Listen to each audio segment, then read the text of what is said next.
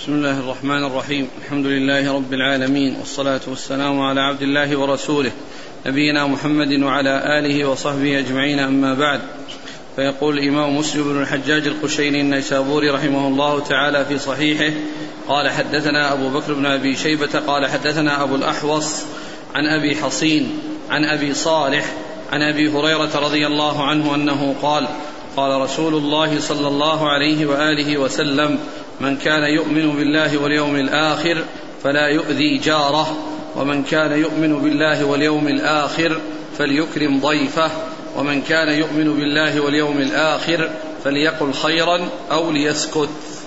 الإسناد اللي قبله قال حدثني حرملة بن يحيى قال أنبان بن وهب قال أخبرني يونس عن ابن شهاب عن أبي سلمة بن عبد الرحمن عن أبي هريرة رضي الله عنه عن رسول الله صلى الله عليه وسلم أنه قال من كان يؤمن بالله واليوم الآخر فليقل خيرا أو ليصمت ومن كان يؤمن بالله واليوم الآخر فليكرم جاره ومن كان يؤمن بالله واليوم الآخر فليكرم ضيفه. بسم الله الرحمن الرحيم. الحمد لله رب العالمين وصلى الله وسلم وبارك على عبده ورسوله نبينا محمد وعلى آله وأصحابه أجمعين. أما بعد فهذا الحديث العظيم من جوامع كلم الرسول صلى الله عليه وسلم وهو مشتمل على أمور ثلاثة. آه، أولها أن الإنسان آه، يحرك لسانه بما هو خير وإلا فإن فإنه يصمت ولا يتكلم بشيء يعود عليه بالمضرة. والثانية أنه يكرم جاره والثالثة أنه يكرم ضيفه. وهذا الحديث بهذا بهذا اللفظ أورده النووي في كتابه الأربعين. وهو من جوامع كلم الرسول صلى الله عليه وسلم. ومعلوم أن الأربعين النووية هي من جوامع كلم الرسول الكريم عليه الصلاة والسلام. وقد ذكر النووي عن آه، ابن أبي زيد القرواني أنه قال جماع جماع الآداب في أربعة أحاديث. حديث دع ما يريبك إلى ما لا يريبك وحديث حديث من إسلام المرء تركه ما لا يعنيه وهذا الحديث هو حديث آه لا يحب أحدكم لا يؤمن أحدكم حتى يحب لاخيه ما يحب نفسه وحديث الحديث الذي كرر فيه آه، قوله صلى الله عليه وسلم لا تغضب لمن, لمن, لمن سأله يعني آه، لمن سأله. أجابه بهذا الجواب وكرر وكرر السؤال وكرر الجواب. فهذه أربعة أحاديث كلها أوردها النووي في كتابه الأربعين وهي متصلة إلى اثنان آه، هما الحادي عشر والثاني آه، الثاني عشر والثالث عشر والخامس عشر والسادس عشر. يفصل بينهما حديث آخر وهو الحديث حديث ليس يتعلق بهذه هذه الموضوعات فهي أربعة متصلة يفصل بينها حديث الذي هو الرابع عشر. الثاني عشر والثالث عشر والخامس عشر والسادس عشر. هذه الأحاديث الأربعة التي قال ابن أبي زيد القرواني إن جماع الآداب في الإسلام هي في هذه الأحاديث الأربعة. ومعلوم أن أن اللسان آه، يعني خطره عظيم والمصيبة فيه كبيرة فإن استعمله في خير فإن هذا هو الذي يحصل الأجر والثواب وإن استعمله في غير ذلك فإنه يحصل الإثم. و و وهذا الحديث يبين فيه الرسول صلى الله عليه وسلم أن الإنسان آه، إما أن يقول خيرا وإما يصمت.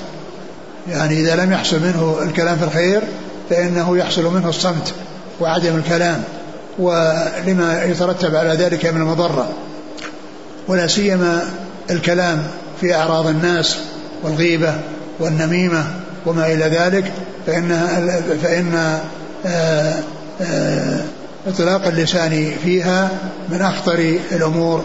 ولهذا النبي عليه الصلاة والسلام لما وصى معاذ بن جبل بوصايا فقال له ألا أخبرك بملاك ذلك كله؟ قال نعم. قال أخذ بلسان نفسه وقال كف عليك هذا. فقلت يا رسول الله وهل هل الناس فيما يعني يتكلمون به قال وهل وهل يكب النار الناس في النار على وجوههم أو على مناخرهم إلا حصائد ألسنتهم؟ ومن حظ ومن حسن حظ المسلم أن يحفظ لسانه والا يطلقه إلا بالخير ولا يتكلم إلا بما يعود عليه بالخير وكذلك الإكرام الجار والإحسان إليه وعدم إيصال, إيصال الإحسان إليه وإيصال المعروف إليه وكف الأذى عنه وذلك أن الجار آه، آه، له حق عظيم على جاره. وقد قال صلى الله عليه وسلم ما زال جبريل يوصيني بالجار حتى ظننت أنه أنه سيورثه. وكذلك الضيف فإن حق الضيف على مضيفه أن أن يكرمه وأن يعطيه جائزته يوم يومه وليلته. كما جاء ذلك في الحديث وقد اختلف العلماء يعني في يعني إكرام الضيف وهل هو وكذلك إكرام الجار هل هو من الأشياء الواجبة أو أنها من أفضل المندوبات وأعظم المندوبات. ف ولا شك أن أن أن, أن, أن فعل ذلك من من من خير الأعمال. ومن أفضل الأعمال والجار حق بالإحسان من غيره وكذلك الضيف الذي له حق على المضيف فإنه يحسن إليه ويكرمه الإكرام المناسب له. نعم. واللي بعده؟ نقرأ الإسناد. نعم. الإسناد الإسناد الأول؟ قرأناه أمس. نعم. اللي بعده. حدثنا أبو بكر بن أبي شيبة عن أبي الأحوص. أبو الأحوص هو سلام بن سليم الحنفي. عن أبي حصين. وهو عثمان بن عاصم. أبو حصين. أبو حصين. أبو حصين ليس عثمان بن عاصم؟ بلى قلت. نعم. عن أبي صالح عن أبي هريرة. أبو صالح ذكوان السمان. وأبو هريرة عبد الرحمن بن صخر. وهذا الإسناد مسلسل بأصحاب الكنى. مسلسل بأصحاب الكنى. كله من أوله إلى آخره يعني مذكورين رواته مذكورون بكناهم. فهو مسلسل بأصحاب الكنى. النووي قال فيه في رجاله إيش قال؟ يعني فيه قال عبارة قال إنهم كوفيون إلا أبا هريرة وقال إنهم مكيون. و وليس فيهم مكي ولكن يبدو أنها مصحفة من مكنون مصحفة من مكنون لأن مكيون مكنون يعني التصحيف فيها واضح لأن جعل بدل النون ياء وهو يعني جعل بدل النون اللي هي مكنون ياء فالذي يظهر أنها إن ذكر المكيون انها تصحيف وأن صحتها وصوابها مكنون. نعم. قال وحدثنا إسحاق بن إبراهيم قال أخبرنا عيسى بن يونس عن الأعمش عن أبي صالح عن أبي هريرة رضي الله عنه أنه قال لفظ الحديث ذاك الثاني. ما كان بالله فلا يؤذي فلا يؤذي جاره. نعم. ومن كان بالله واليوم الآخر فليكرم ضيفه. نعم. ومن كان يؤمن بالله واليوم الآخر فليقل خيرا أو ليسكت. يعني هذا الترتيب في هذه الخصال الثلاث يعني يختلف عن الأول. لأن لأن وهو عن أبي هريرة رضي الله عنه. ولكن لا شك أن يعني بعضها مروي بالمعنى. لا شك أن بعضها مروي بالمعنى. وإلا فالحديث المسموع عن رسول الله صلى الله عليه وسلم من أبي هريرة آه هو واحد. ولكن التفاوت بينها إنما هو من قبيل الرواية بالمعنى. نعم. قال حدثنا إسحاق بن إبراهيم قال أخبرنا عيسى بن يونس عن الأعمش عن أبي صالح عن أبي هريرة رضي الله عنه أنه قال قال رسول الله صلى الله عليه وسلم بمثل حديث أبي حصين غير أنه قال فليحسن إلى جاره. نعم يعني بدل فلا يؤذي جاره قال بدلها يحسن إلى جاره. نعم. قال حدثنا إسحاق بن إبراهيم الحنظلي بن راهوية. عن عيسى بن يونس بن أبي إسحاق نعم. عن الأعمش سليمان بن مهران. عن أبي صالح عن أبي هريرة. نعم عن أبي صالح عن أبي هريرة. نعم مروا في الاسناد نعم. قال حدثنا زهير بن حرب ومحمد بن عبد الله بن نمير جميعا عن ابن عيينة قال ابن نمير حدثنا سفيان عن عمرو أنه سمع نافع بن جبير يخبر عن أبي شريح الخزاعي رضي الله عنه أن النبي صلى الله عليه وآله وسلم قال من كان يؤمن بالله واليوم الآخر فليحسن إلى جاره ومن كان يؤمن بالله واليوم الآخر فليكرم ضيفه ومن كان يؤمن بالله واليوم الآخر فليقل خيرا أو ليسكت. ثم ذكر هذا الحديث عن صحابي آخر وهو أبو وهو أبو شريح الخزاعي رضي الله عنه وهو يعني مثل مثل ما تقدم إلا أن فيه آه، فليحسن إلى إلى جاره وهي مطابقة للطريقة الثانية التي أشار إليها وأنه قال بدل فلا يؤذي جاره فليحسن إلى جاره وكذلك فليكرم ضيفه وبعدها آه، فليقل خيرا أو ليسمت يسكت أو يصمت. يسكت. نعم. قال حدثنا زهير بن حرب أبو خيثمة. ومحمد بن عبد الله بن نمير نعم. جميعا عن ابن عيينة. سفيان بن عيينة. قال ابن نمير حدثنا سفيان نعم. عن عمرو عمرو بن دينار. عن نافع بن جبير نعم. عن أبي شريح الخزاعي. وهو خويلد بن عمرو. قال حدثنا أبو بكر بن أبي شيبة قال حدثنا وكيع عن سفيان حا قال وحدثنا محمد بن المثنى قال حدثنا محمد بن جعفر قال حدثنا شعبة كلاهما عن قيس بن مسلم عن طارق بن شهاب رضي الله عنه وهذا حديث أبي بكر. قال أول من بدأ بالخطبة يوم, يوم العيد قبل الصلاة مروان.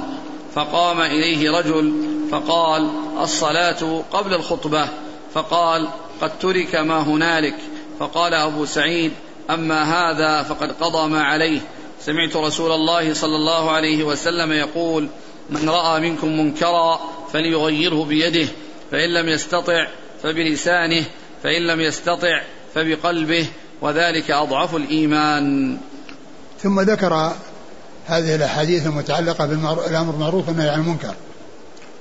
والأمر بالمعروف والنهي عن المنكر هو جاءت به الآيات الكثيرة والأحاديث العديدة عن رسول الله صلى الله عليه وسلم وأن به يعني صلاح, صلاح الأمة وفيها سلامتها واستقامتها لأن فيه الدعوة إلى الخير والتحذير من الشر الدعوة إلى الخير والتحذير من الشر و وأورد فيه هذا الحديث عن عن عن أبي سعيد الخدري رضي الله عنه أن أول من بدأ بالصلاة بالخطبة قبل الصلاة هو مروان بن الحكم وأنه قال له رجل آه، أنكر عليه رجل فقال فقال الصلاة قبل الصلاة قبل الخطبة. يعني الصلاة قبل الخطبة يعني خشي أنه يكون ناسيا أنه حصل منه نسيان. فنبهه فقال الصلاة قبل الخطبة. فقال قد ترك ما هنالك. قد ترك ما هنالك. يعني هو أراد أن الناس يستمعون الخطبة إذا قدمت قبل الصلاة فإنهم يستمعون لها. بخلاف إذا أتي بالصلاة قبلها فإنهم يقومون بعدها. فأراد من تقديمها أن الناس يسمعون الخطبة لأنهم سينتظرون الصلاة. ولن يعني يذهبوا يعني بعد الفراغ من الخطبة أو يذهبوا عند الخطبة يعني ويتركوا الصلاة. ف ففعل هذا الفعل أو أراد أن يفعل هذا الفعل أو بل أراد أن يفعل فظن أنه ناسي فقال له أصلتك الخطبة قال قد ذهب ما هنالك قد ترك ما هنالك. ومعلوم أن ما كان عليه الرسول صلى الله عليه وسلم وخلفاء الراشدون أنهم يبدأون بالصلاة قبل الخطبة وأن الخطبة إنما تكون بعد الصلاة. فهذا عكس ذلك من أجل أن يسمع الناس أن يسمع الناس خطبته. قال أبو سعيد أما هذا فقد أدى ما عليه. يعني هذا الرجل الذي أبدى هذه النصيحة ونبه آه، مروان بن الحكم على أن أنه لا يفعل هذا الفعل وإنما يأتي بالصلاة قبل الخطبة آه، أنه قد أدى ما عليه. يعني أدى ما عليه من أمر معروف والنهي عن المنكر لأنه أرشده إلى يعني أن يقدم الصلاة على الخطبة كما كان يفعله من قبله. كما كان يفعله من قبله فقال أما هذا فقد أدى عليه ما عليه. ثم ذكر الحديث الذي سمعه من رسول الله صلى الله عليه وسلم قال من رأى منكم منكرا فليغير بيده فإن لم يستطع فبلسانه فإن لم يستطع فبقلبه وذلك أضعف الإيمان. وأورد حديث أمر معروف المنكر لأنها من أمور الإيمان وفيها التنصيص في آخر الحديث وذلك أضعف الإيمان. وفيه التنصيص في آخر الحديث على أن ذلك أضعف الإيمان الذي هو الإنكار بالقلب. الذي هو الإنكار بالقلب. ف آه، بين أبو سعيد رضي الله عنه في هذا الحديث آه، آه، أن النبي صلى الله عليه وسلم أمر بتغيير المنكر وذلك على درجات ثلاث التغيير باليد وهذا يستطيعه السلطان ونواب السلطان وكذلك من يكون له ولاية خاصة مثل الأب على أولاده فإنه يغير بيده.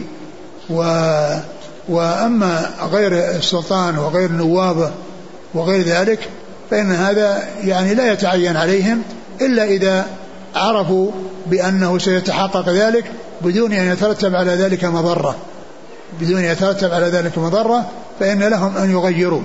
وأما التغيير بالفعل والذي يتمكن منه فهو السلطان ونوابه وكذلك الوالد بالنسبة الرجل بالنسبة لأهل بيته فإنه يستطيع أن يغير باليد. وغير هؤلاء إذا علم أو يعني أنه سيتحقق يعني ما يريد دون أن يحصل مضرة ودون أن يحصل يعني فتنة فإن ذلك أيضا مطلوب. من رأى منكم منكرا فليغيره بيده. فإن لم يستطع التغيير باليد يتحول التغيير باللسان وذلك بأن يبين وينبه على خطورة هذا الفعل وأنه حرام ويذكر ما ورد فيه من من الآيات والأحاديث الدالة على ذلك. فليغير فليغيره بلسانه. وذلك بالأمر معروف والنهي عن المنكر. والتنبيه على الخير والتحذير من الشر. و فليغير بيده يستطع بلسانه يستطع بقلبه. والتغيير بالقلب يكون بالتأثر والتألم وحصول التغير على الوجه بسبب ما حصل في القلب من من هذا المنكر الذي لا يستطيع تغييره لا بقلبه ولا بلسانه. والتغيير بالقلب وإنكار المنكر بالقلب هذا هو أضعف الإيمان لأن لأنه إذا لم يحصل تأثر في القلب وحصل تألم في القلب على وجود المنكر الذي آه، يعني لم يستطعه بلسانه وبيده بلسان بيده ثم بلسانه ثم لم يبق إلا هذه الدرجة التي آخر الدرجات والتي ليس وراءها آه، والتي هي أضعف الإيمان. وفي بعض الروايات وليس وراء ذلك من الإيمان حبة خردل. ف فيكون آه، التغيير يعني بهذه الأمور الثلاثة وإذا لم يستطع إلا التغيير بالقلب فإن ذلك يستطيعه كل أحد ولا يقال إنه لا يستطاع بل كل يستطيع بقلبه بأن يتأثر ويتألم لما حصل. ثم آه، هناك آية في كتاب الله عز وجل في سورة المائدة يا أيها الذين آمنوا عليكم أنفسكم لا يضركم من ضل إذا اهتديتم. فليس المقصود منها أنها أن الإنسان يعني عليه بنفسه وأنه لا يأمر بالمعروف ولا ينهى عن المنكر وإنما معناها أن أنهم إذا وجد الأمر بالمعروف والنهي عن المنكر ولم يستجب لهم فإن الإنسان قد يكون أدى ما عليه والهداية بيد الله عز وجل. ولهذا قال لا يضركم من ضل إذا اهتديتم. ولا شك أن من الاهتداء من من من من, من, من الاهتداء هو الأمر بالمعروف والنهي عن المنكر.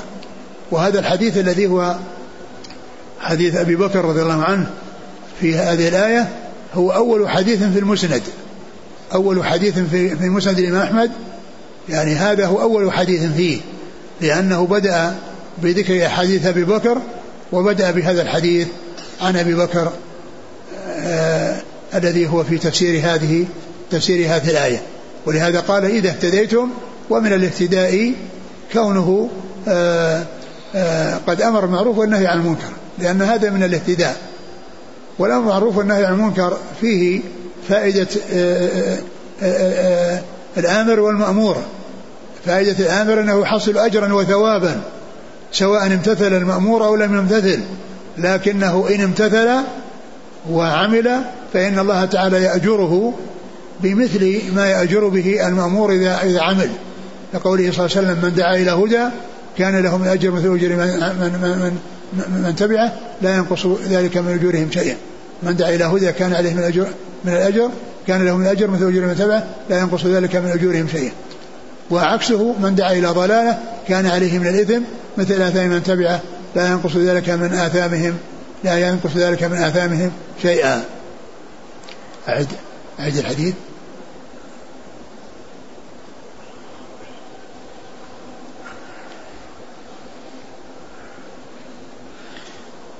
عن طارق قال أول من بدأ بالخطبة يوم العيد قبل الصلاة مروان. يعني هذا جاء آثار أن أنها أنه بدأ بها قبل ذلك في زمن في بعض زمن الخلفاء الراشدين وكذلك من معاوية وكل ذلك لم يصح. وإنما الصحيح أن أول من حصل منه ذلك هو مروان بن الحكم لما كان أميرا لما كان أميرا في المدينة. نعم. فقام إليه رجل فقال الصلاة قبل الخطبة. نعم. فقال قد ترك ما هنالك. فقال أبو سعيد أما هذا فقد قضى ما عليه. سمعت رسول الله صلى الله عليه وسلم يقول يعني بين بين الحكم وأتى بالدليل على ذلك. بين الحكم وهو أن هذا قد أدى ما عليه وبين الدليل على ذلك في وهو الحديث الذي قال فيه النبي صلى الله عليه وسلم من رأى منكم منكرا فليغير بيده فإن لم يستطع بلسانه فإن لم يستطع بقلبه وذلك وذلك أضعف الإيمان. نعم. قال حدثنا أبو بكر بن أبي شيبة عن وكيع وكيع بن الجراح. عن سفيان. سفيان الثوري. قال حا وحدثنا محمد بن المثنى عن محمد بن جعفر عن شعبة. كلاهما عن قيس بن مسلم. يعني كلاهما يعني سفيان وشعبة عن قيس بن مسلم. نعم. عن طارق بن شهاب عن نعم. أبي سعيد. نعم. قال حدثنا أبو كريب محمد بن العلا قال حدثنا أبو معاوية قال حدثنا الأعمش عن إسماعيل بن رجاء عن أبيه عن أبي سعيد الخدري وعن قيس بن مسلم عن طارق بن شهاب عن أبي سعيد الخدري. في قصة مروان وحديث أبي سعيد عن النبي صلى الله عليه وسلم بمثل حديث شعبة وسفيان. أعد حدثنا. قال حدثنا أبو كريب محمد بن العلاء قال حدثنا أبو معاوية قال حدثنا الأعمش عن إسماعيل بن رجاء عن أبيه عن أبي سعيد الخدري. نعم. وعن قيس بن مسلم عن طارق بن شهاب عن أبي سعيد الخدري. يعني أن الأعمش يعني عنده فيه طريقان عنده فيه طريقان إلى أبي سعيد الخدري وقد ذكرهما.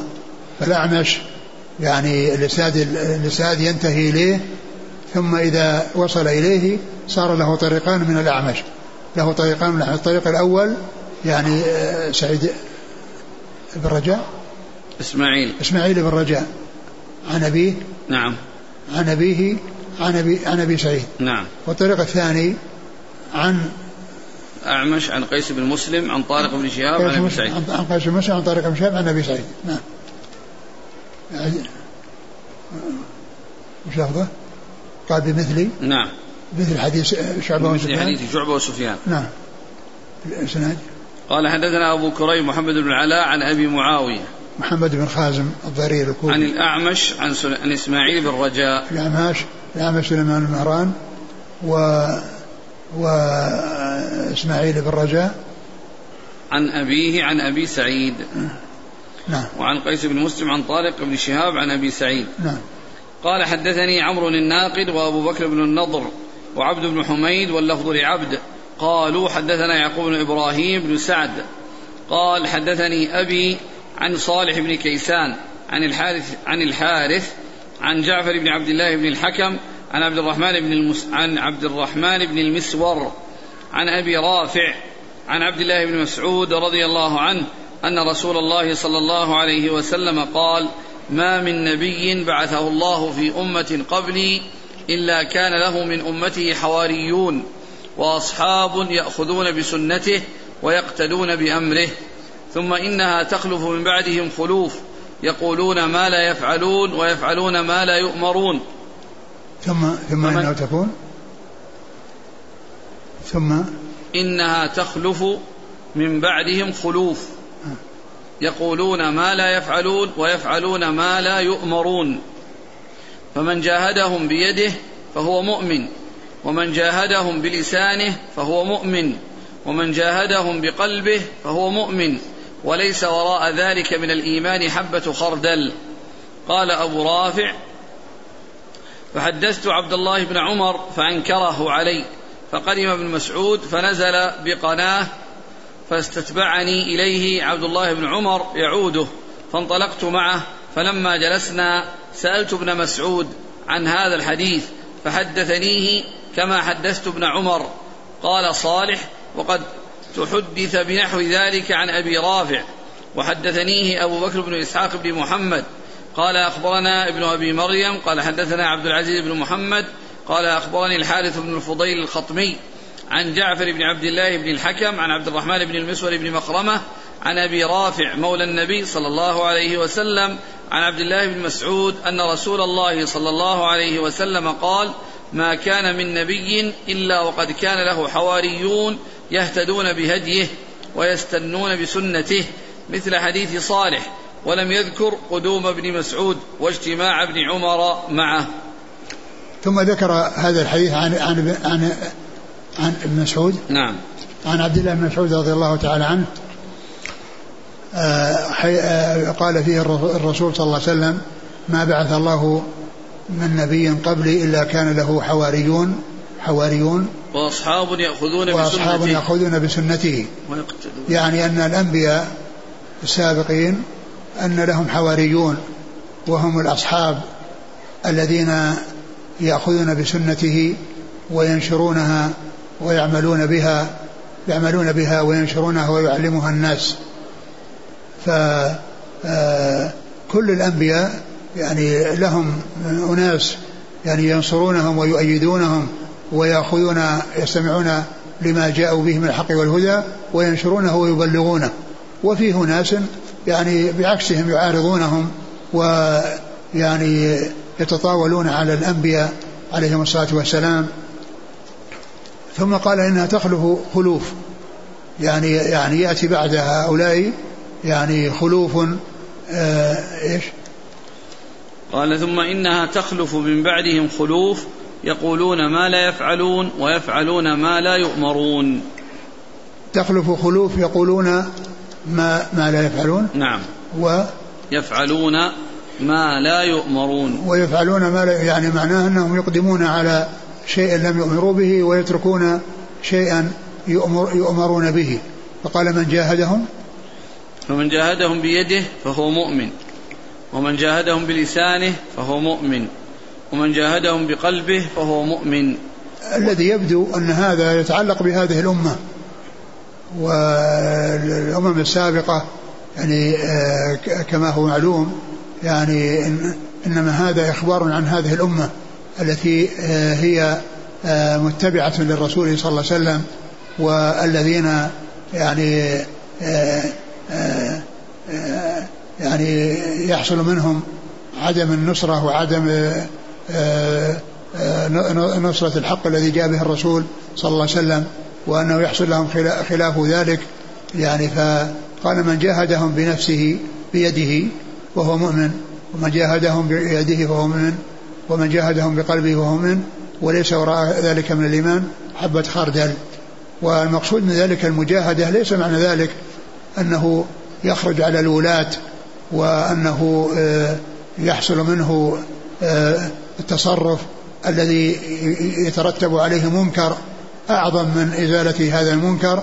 وإنما المقصود من ذلك أنه آه، يحصل منه التغيير باليد الذي إذا كان قادرا عليه دون أن يحدث ضرر أكبر وأن يحصل يعني ما هو أنكر من المنكر لأنه إذا كان سيترتب عليه ما هو أنكر فإنه يوقف عند يعني هذا المنكر الذي هو أخف حتى يحصل بعده يحصل بسببه ما هو ما هو أنكر منه.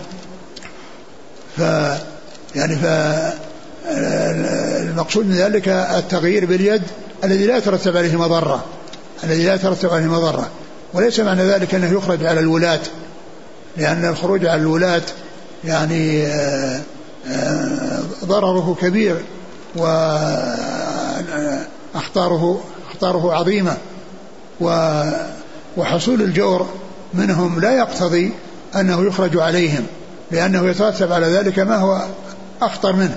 وقد ذكر ابن القيم في كتابه إعلام الموقعين تسعة وتسعين دليلا من أدلة سد الذرائع ومنها الخروج على الولاة وما يترتب عليه من الأمور المنكرة ما هو أعظم مما حصل منهم من الجور.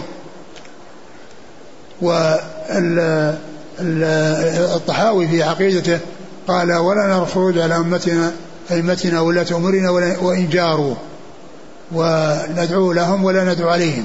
ندعو لهم بالصلاح والمعافاة ولا ندعو عليهم. فحصول الجور وحصول يعني أمور يعني منكرة لا, لا تصل إلى حد الكفر لا يجوز الخروج عليهم.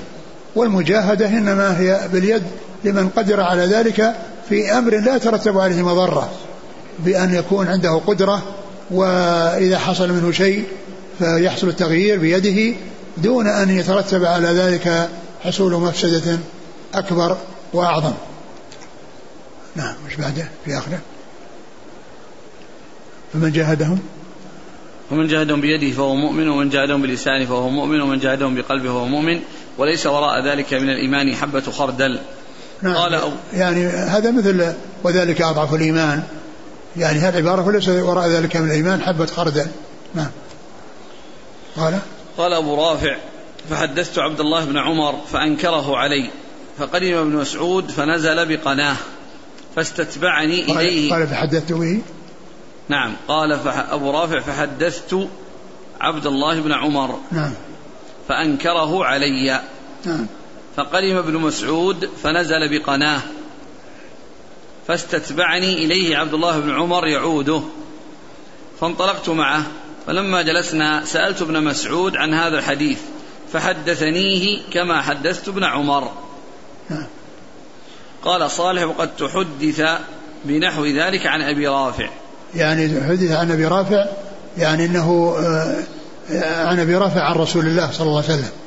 يعني فيكون مسند أبي رافع. نعم ثم ساق السند. قال وحدثني أبو بكر بن إسحاق بن محمد عن ابن أبي مريم عن عبد العزيز بن محمد عن الحارث بن فضيل الخطمي عن جعفر بن عبد الله بن الحكم. عن عبد الرحمن بن مسور بن مخرمة عن أبي رافع مولى النبي صلى الله عليه وسلم.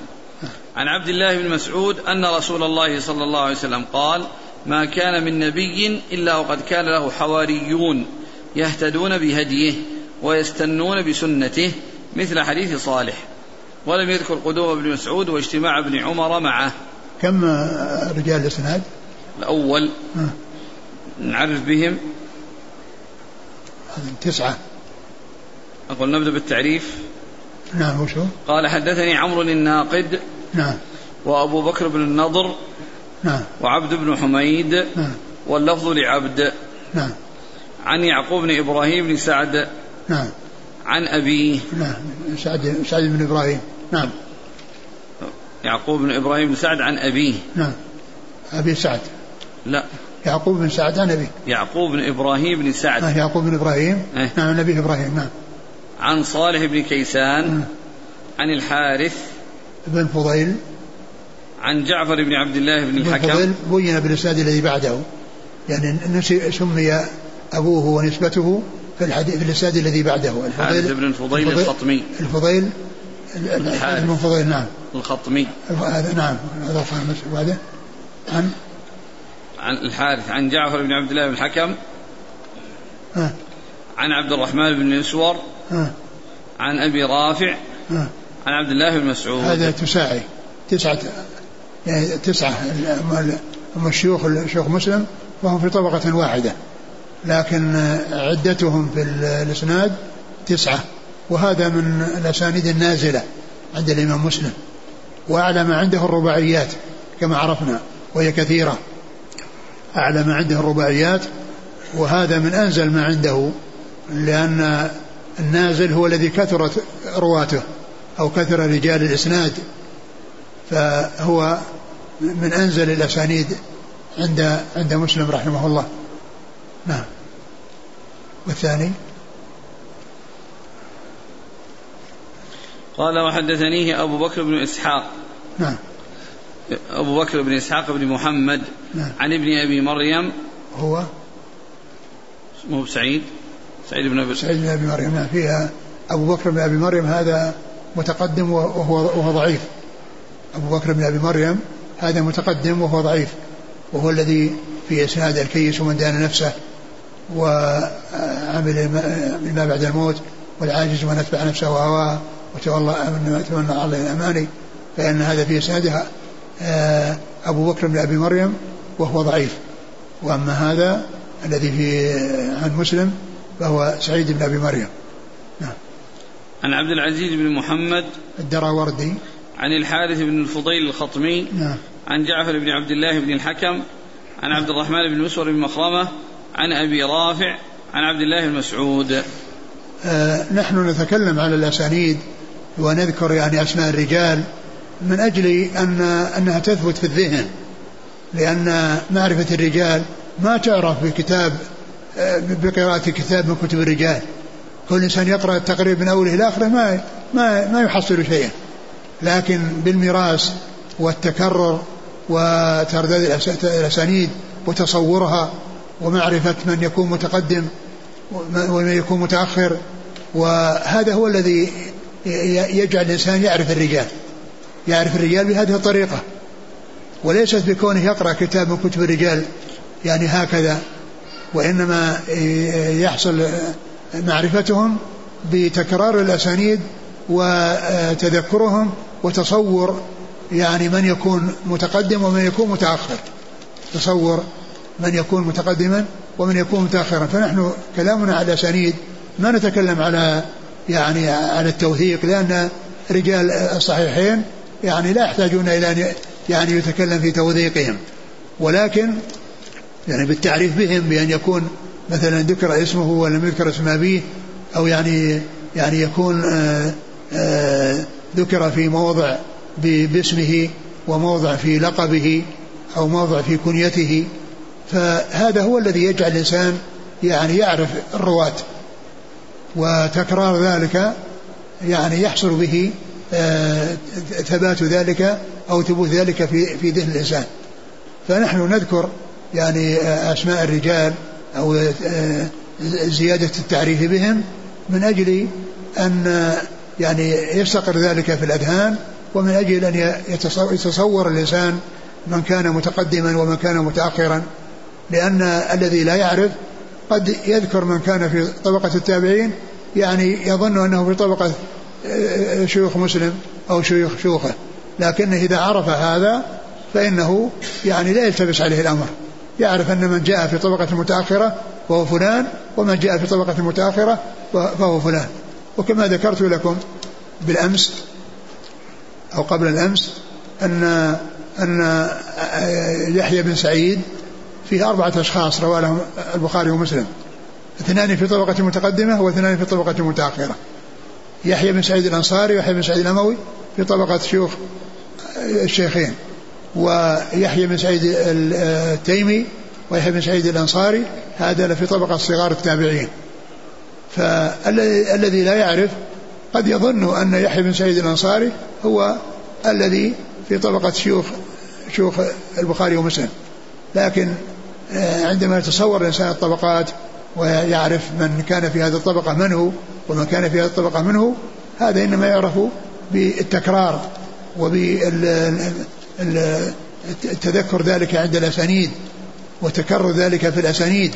هذا هو الذي يجعل آه، ذلك يثبت في ذهن الإنسان. نعم. آه، إذا السند الثاني ثماني. ثمانية نعم. الأول تسعة والثاني ثمانية.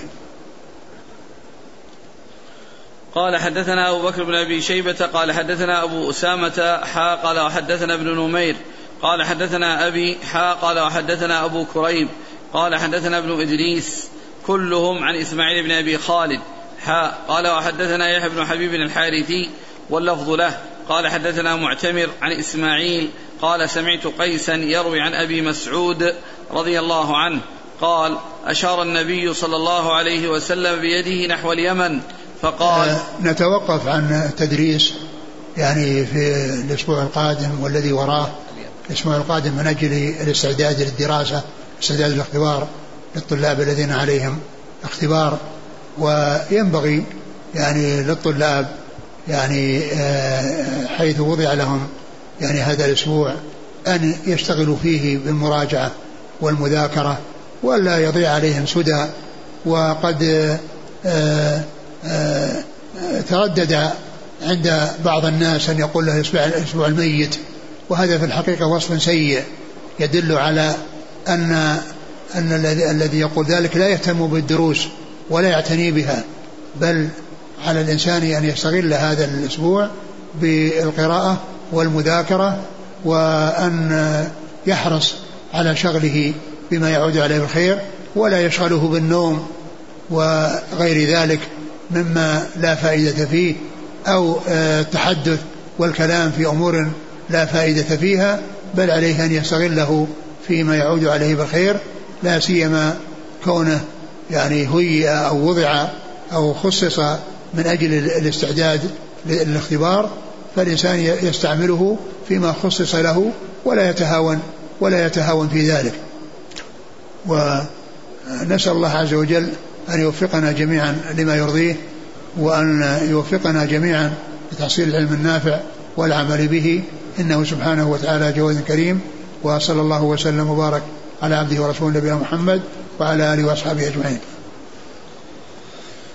جزاكم الله خيرا وبارك الله فيكم ألهمكم الله الصواب ووفقكم للحق شافاكم الله وعافاكم ونفعنا الله ما سمعنا غفر الله لنا ولكم وللمسلمين أجمعين آمين.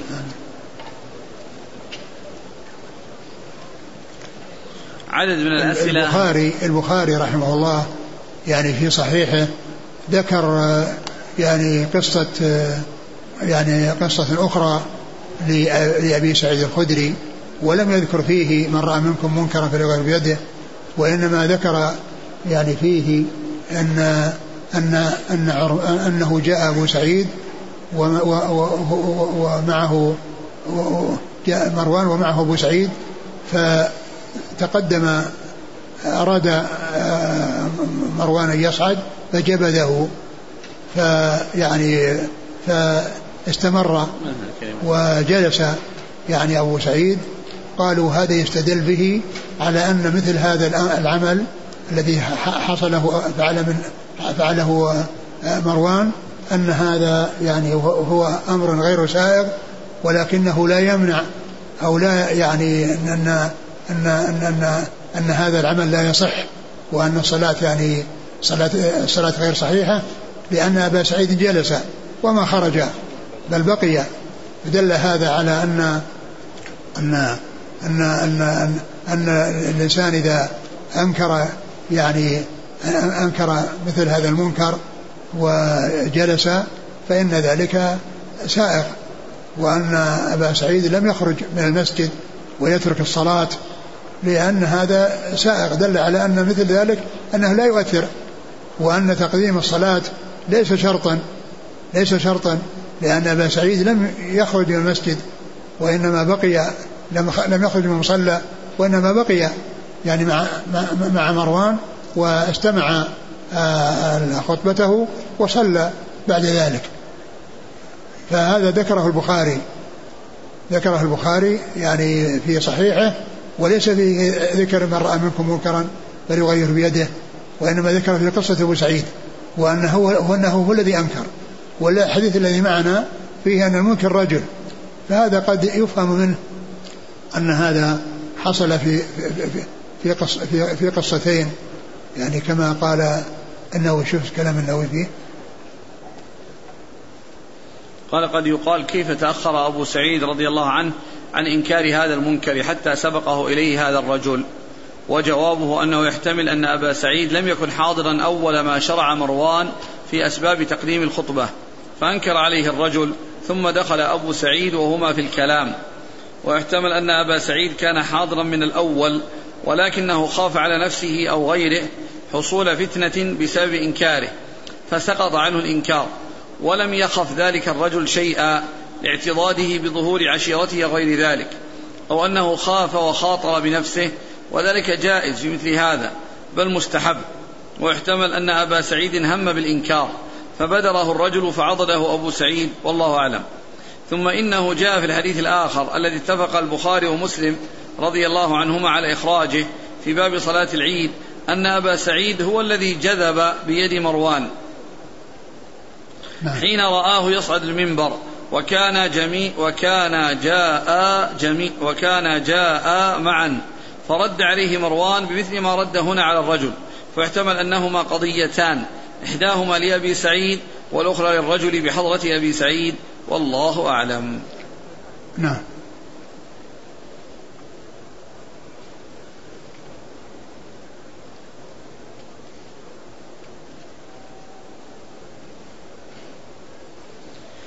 السؤال الذي تكرر الاستدلال بهذه الحادثة على جواز الإنكار على الأئمة أمام العامة أو العلانية؟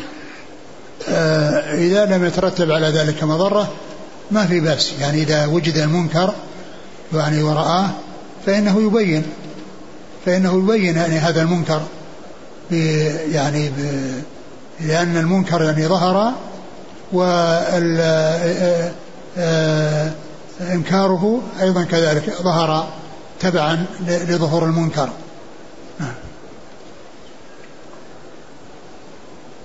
يقول آه، من يقول بالتفريق بين النصيحة للولاة وإنكار المنكر. النصيحة تكون بالسر. أما الأمر معروف والنهي المنكر فإذا كان المنكر علانية فينكر عليهم علانية. استدلالا بفعل أبي سعيد. نعم. لا شك النصيحة بالسر. والكتابة لهم أو الاتصال بهم لأن هذا لا شك أنه طيب والفائدة تكون فيه يعني حاصلة بإذن الله. لكن إذا وجد يعني شيء منكر والناس يعني رأوه فالسكوت على المنكر يعني معناه كأنه يكون فيه قرار له وعدم إنكار له فإنكاره وبيان أن ذلك غير سائغ أن هذا مثل ما حصل من أبي سعيد رضي الله عنه.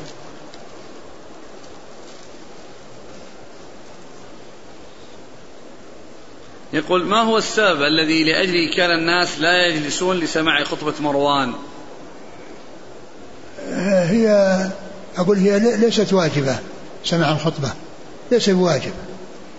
أقول ليس بواجب يعني يعني حتى يعني لكنه أراد يعني أن أنهم يعني يحضرونها جميعا لأنهم يعني آه، جاءوا للصلاة والصلاة أخرت عن الخطبة فيكون سماع الجميع لها حاصل.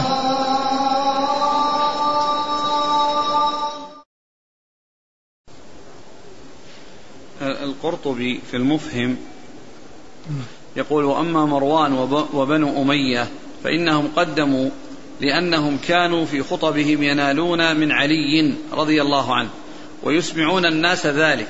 فكان الناس إذا صلوا معهم انصرفوا عن سماع خطبهم لذلك. فلما رأى مروان ذلك أو من شاء الله من بني أمية قدموا الخطبة ليسمعوا الناس من ذلك ما يكرهون.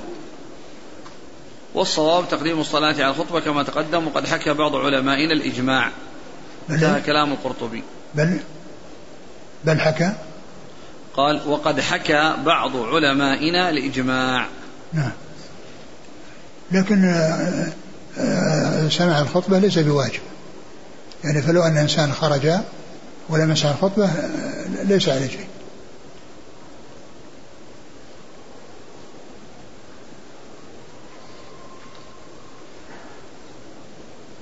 الحافظ قوى تعدد الواقعة. يعني في أبو سعيد والرجل؟ أي. إيه، هو الأقرب. أقول هو الأقرب. لكن آه، وذكر أيضا أن يكون الرجل هو أبا مسعود الأنصاري. لأنه كان حاضرا تلك الواقعة كما بينه عبد الرزاق في روايته. أبو مسعود؟ أبو مسعود الأنصاري. نعم.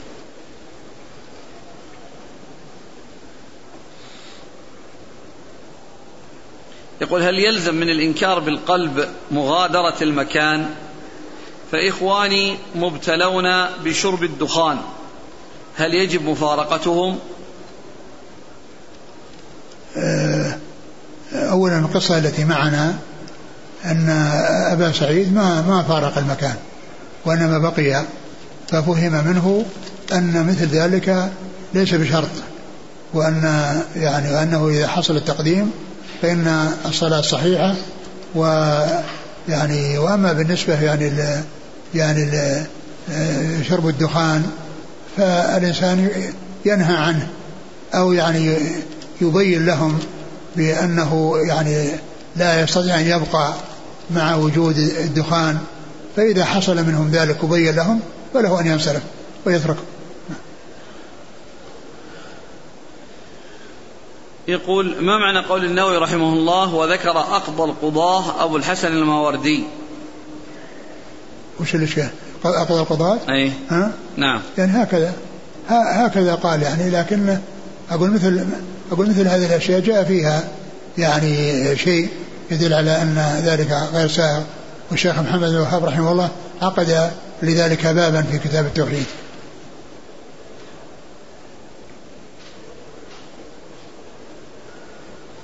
يقول كذلك ما معنى قول النووي ثم العلماء إنما ينكرون ما أجمع عليه. أما المختلف فيه فلا إنكار فيه. هذا فيه تفصيل. في شيء مختلف فيه والاختلاف واضح. والخلاف له حظ من النظر. وفيه شيء يعني آه خلاف شاذ. أقول الخلاف فيه شاذ وهذا لا يعتد به ولا يلتفت إليه. كما قال الشاعر وليس كل خلاف جاء معتبرا إلا خلاف له حظ من النظر. فليس كل ما يعني يصير فيه قول شاذ يعني يقال إن هذا فيه خلاف ويؤخذ بالقول الشاذ ويترك القول الصحيح وإنما هذا في الأمور الأمور الواضحة التي الخلاف فيها قوي والأدلة فيها يعني مشتبهة. أما أشياء يعني يعني آه يختلف فيها أهل العصر ويتكلمون بها وفيها يعني خطورة وفيها ضرر مثل حصول الاختلاط بين الرجال والنساء وكذلك مثل ما يعني ينادي به يعني بعض الناس من قيادة المرأة في السيارة وما إلى ذلك فإن هذا لا يقال أنه في إن, إن, إن في خلاف. ومن خالف فيه فهو يعني آه جالب الضرر لنفسه ولغيره. يقول آه، أحسن الله إليك. يقول عن نفسه كنت تكلمت في شخص وحذرت منه فكيف لي بالتوبة إذا غلب على ظني أنني إذا صارحته يقع منه مكروه؟ أولا إذا أمكن أنك آه، تتكلم معه بدون تفصيل ما جرى وأن حصل مني يعني إساءة إليك آه، أستغفر الله منها وأرجو أن تسامحني فيها لا بأس بذلك. وإن كان يترتب على ذلك مضرة فإنه يثني عليه ويذكره يعني بالخير ويستغفر له ويدعو له. النووي رحمه الله تعالى قال قال إمام الحرمين رحمه الله ويسوغ لآحاد الرعية أن يصد مرتكب الكبيرة إن لم يندفع عنها. بقوله ما لم ينتهي الأمر إلى نصب قتال وشهر سلاح. فإن انتهى الأمر بالقول يعني بالقول فقط ها؟ ما ذكر اليد. نعم؟ أي نعم. أيوه إيش يقول؟ طيب ثم قال فإن انتهى الأمر إلى ذلك ربط الأمر بالسلطان. ربط ربط ها؟ ربط الأمر. ربط الأمر بالسلطان. قال نعم. وإذا جاء وإذا جار. وإذا جار. ها. والي الوقت أيوة. وظهر ظلمه وغشمه ولم ينزجر حين زجر عن سوء صنيعه بالقول فلأهل الحل والعقد التواطؤ على خلق على خلعه. هذا غير صحيح. هذا غير صحيح. يعني وإنما يعني الخلع أو الخروج عليه إذا حصل كفر بواح عند الله عند الناس فيه من الله برهان. أظن ذكر بعد هذا نعم صحيح. نعم. قال ولو بشهر الأسلحة ونصب الحروف ونصب الحروب هذا كلام هذا كلام إمام الحرمين. وهذا الذي ذكره من خلعه غريب. ومع هذا فهو محمول على ما إذا لم يخف منه إثارة مفسدة أعظم منه. يعني في في إنكار المنكر يعني وليس في يعني في فيما يتعلق بالخروج عليه. وقد قلت إن إن, أن الطحاوي قال ولا نرى الخروج على أئمتنا وولاة أمورنا وإن جاروا. ولا ندعو عليهم وندعو لهم بالصلاح والمعافاة. يقول أحسن الله إليكم أنا رجل كنت في بلاد الكفر من زمان وفي أثناء مكثي فتحت حسابا في البنك والآن المبلغ تضاعف أضعاف فهل لي أن آخذ هذا المال؟ أولا البنوك الربوية لا يتعامل الإنسان معها إلا مضطرا وإذا تعامل معها مضطرا لا يأخذ إلا حقه ولكن هناك طريقة إذا وجدت البنوك فهي التي ينبغي التعامل معه فيها وهي استئجار خزانات. إذا كان البنك يؤجر خزانة يعني تضع فيها نقودك ومتاعك وما الأشياء الثمينة عندك ويعطيك المفتاح ولا يفتحه إلا أنت وتعطيه أجر على ذلك هذا هو الذي ينبغي. جزاكم الله خيرا. سبحانك الله وبحمدك نشهد أن لا إله إلا أنت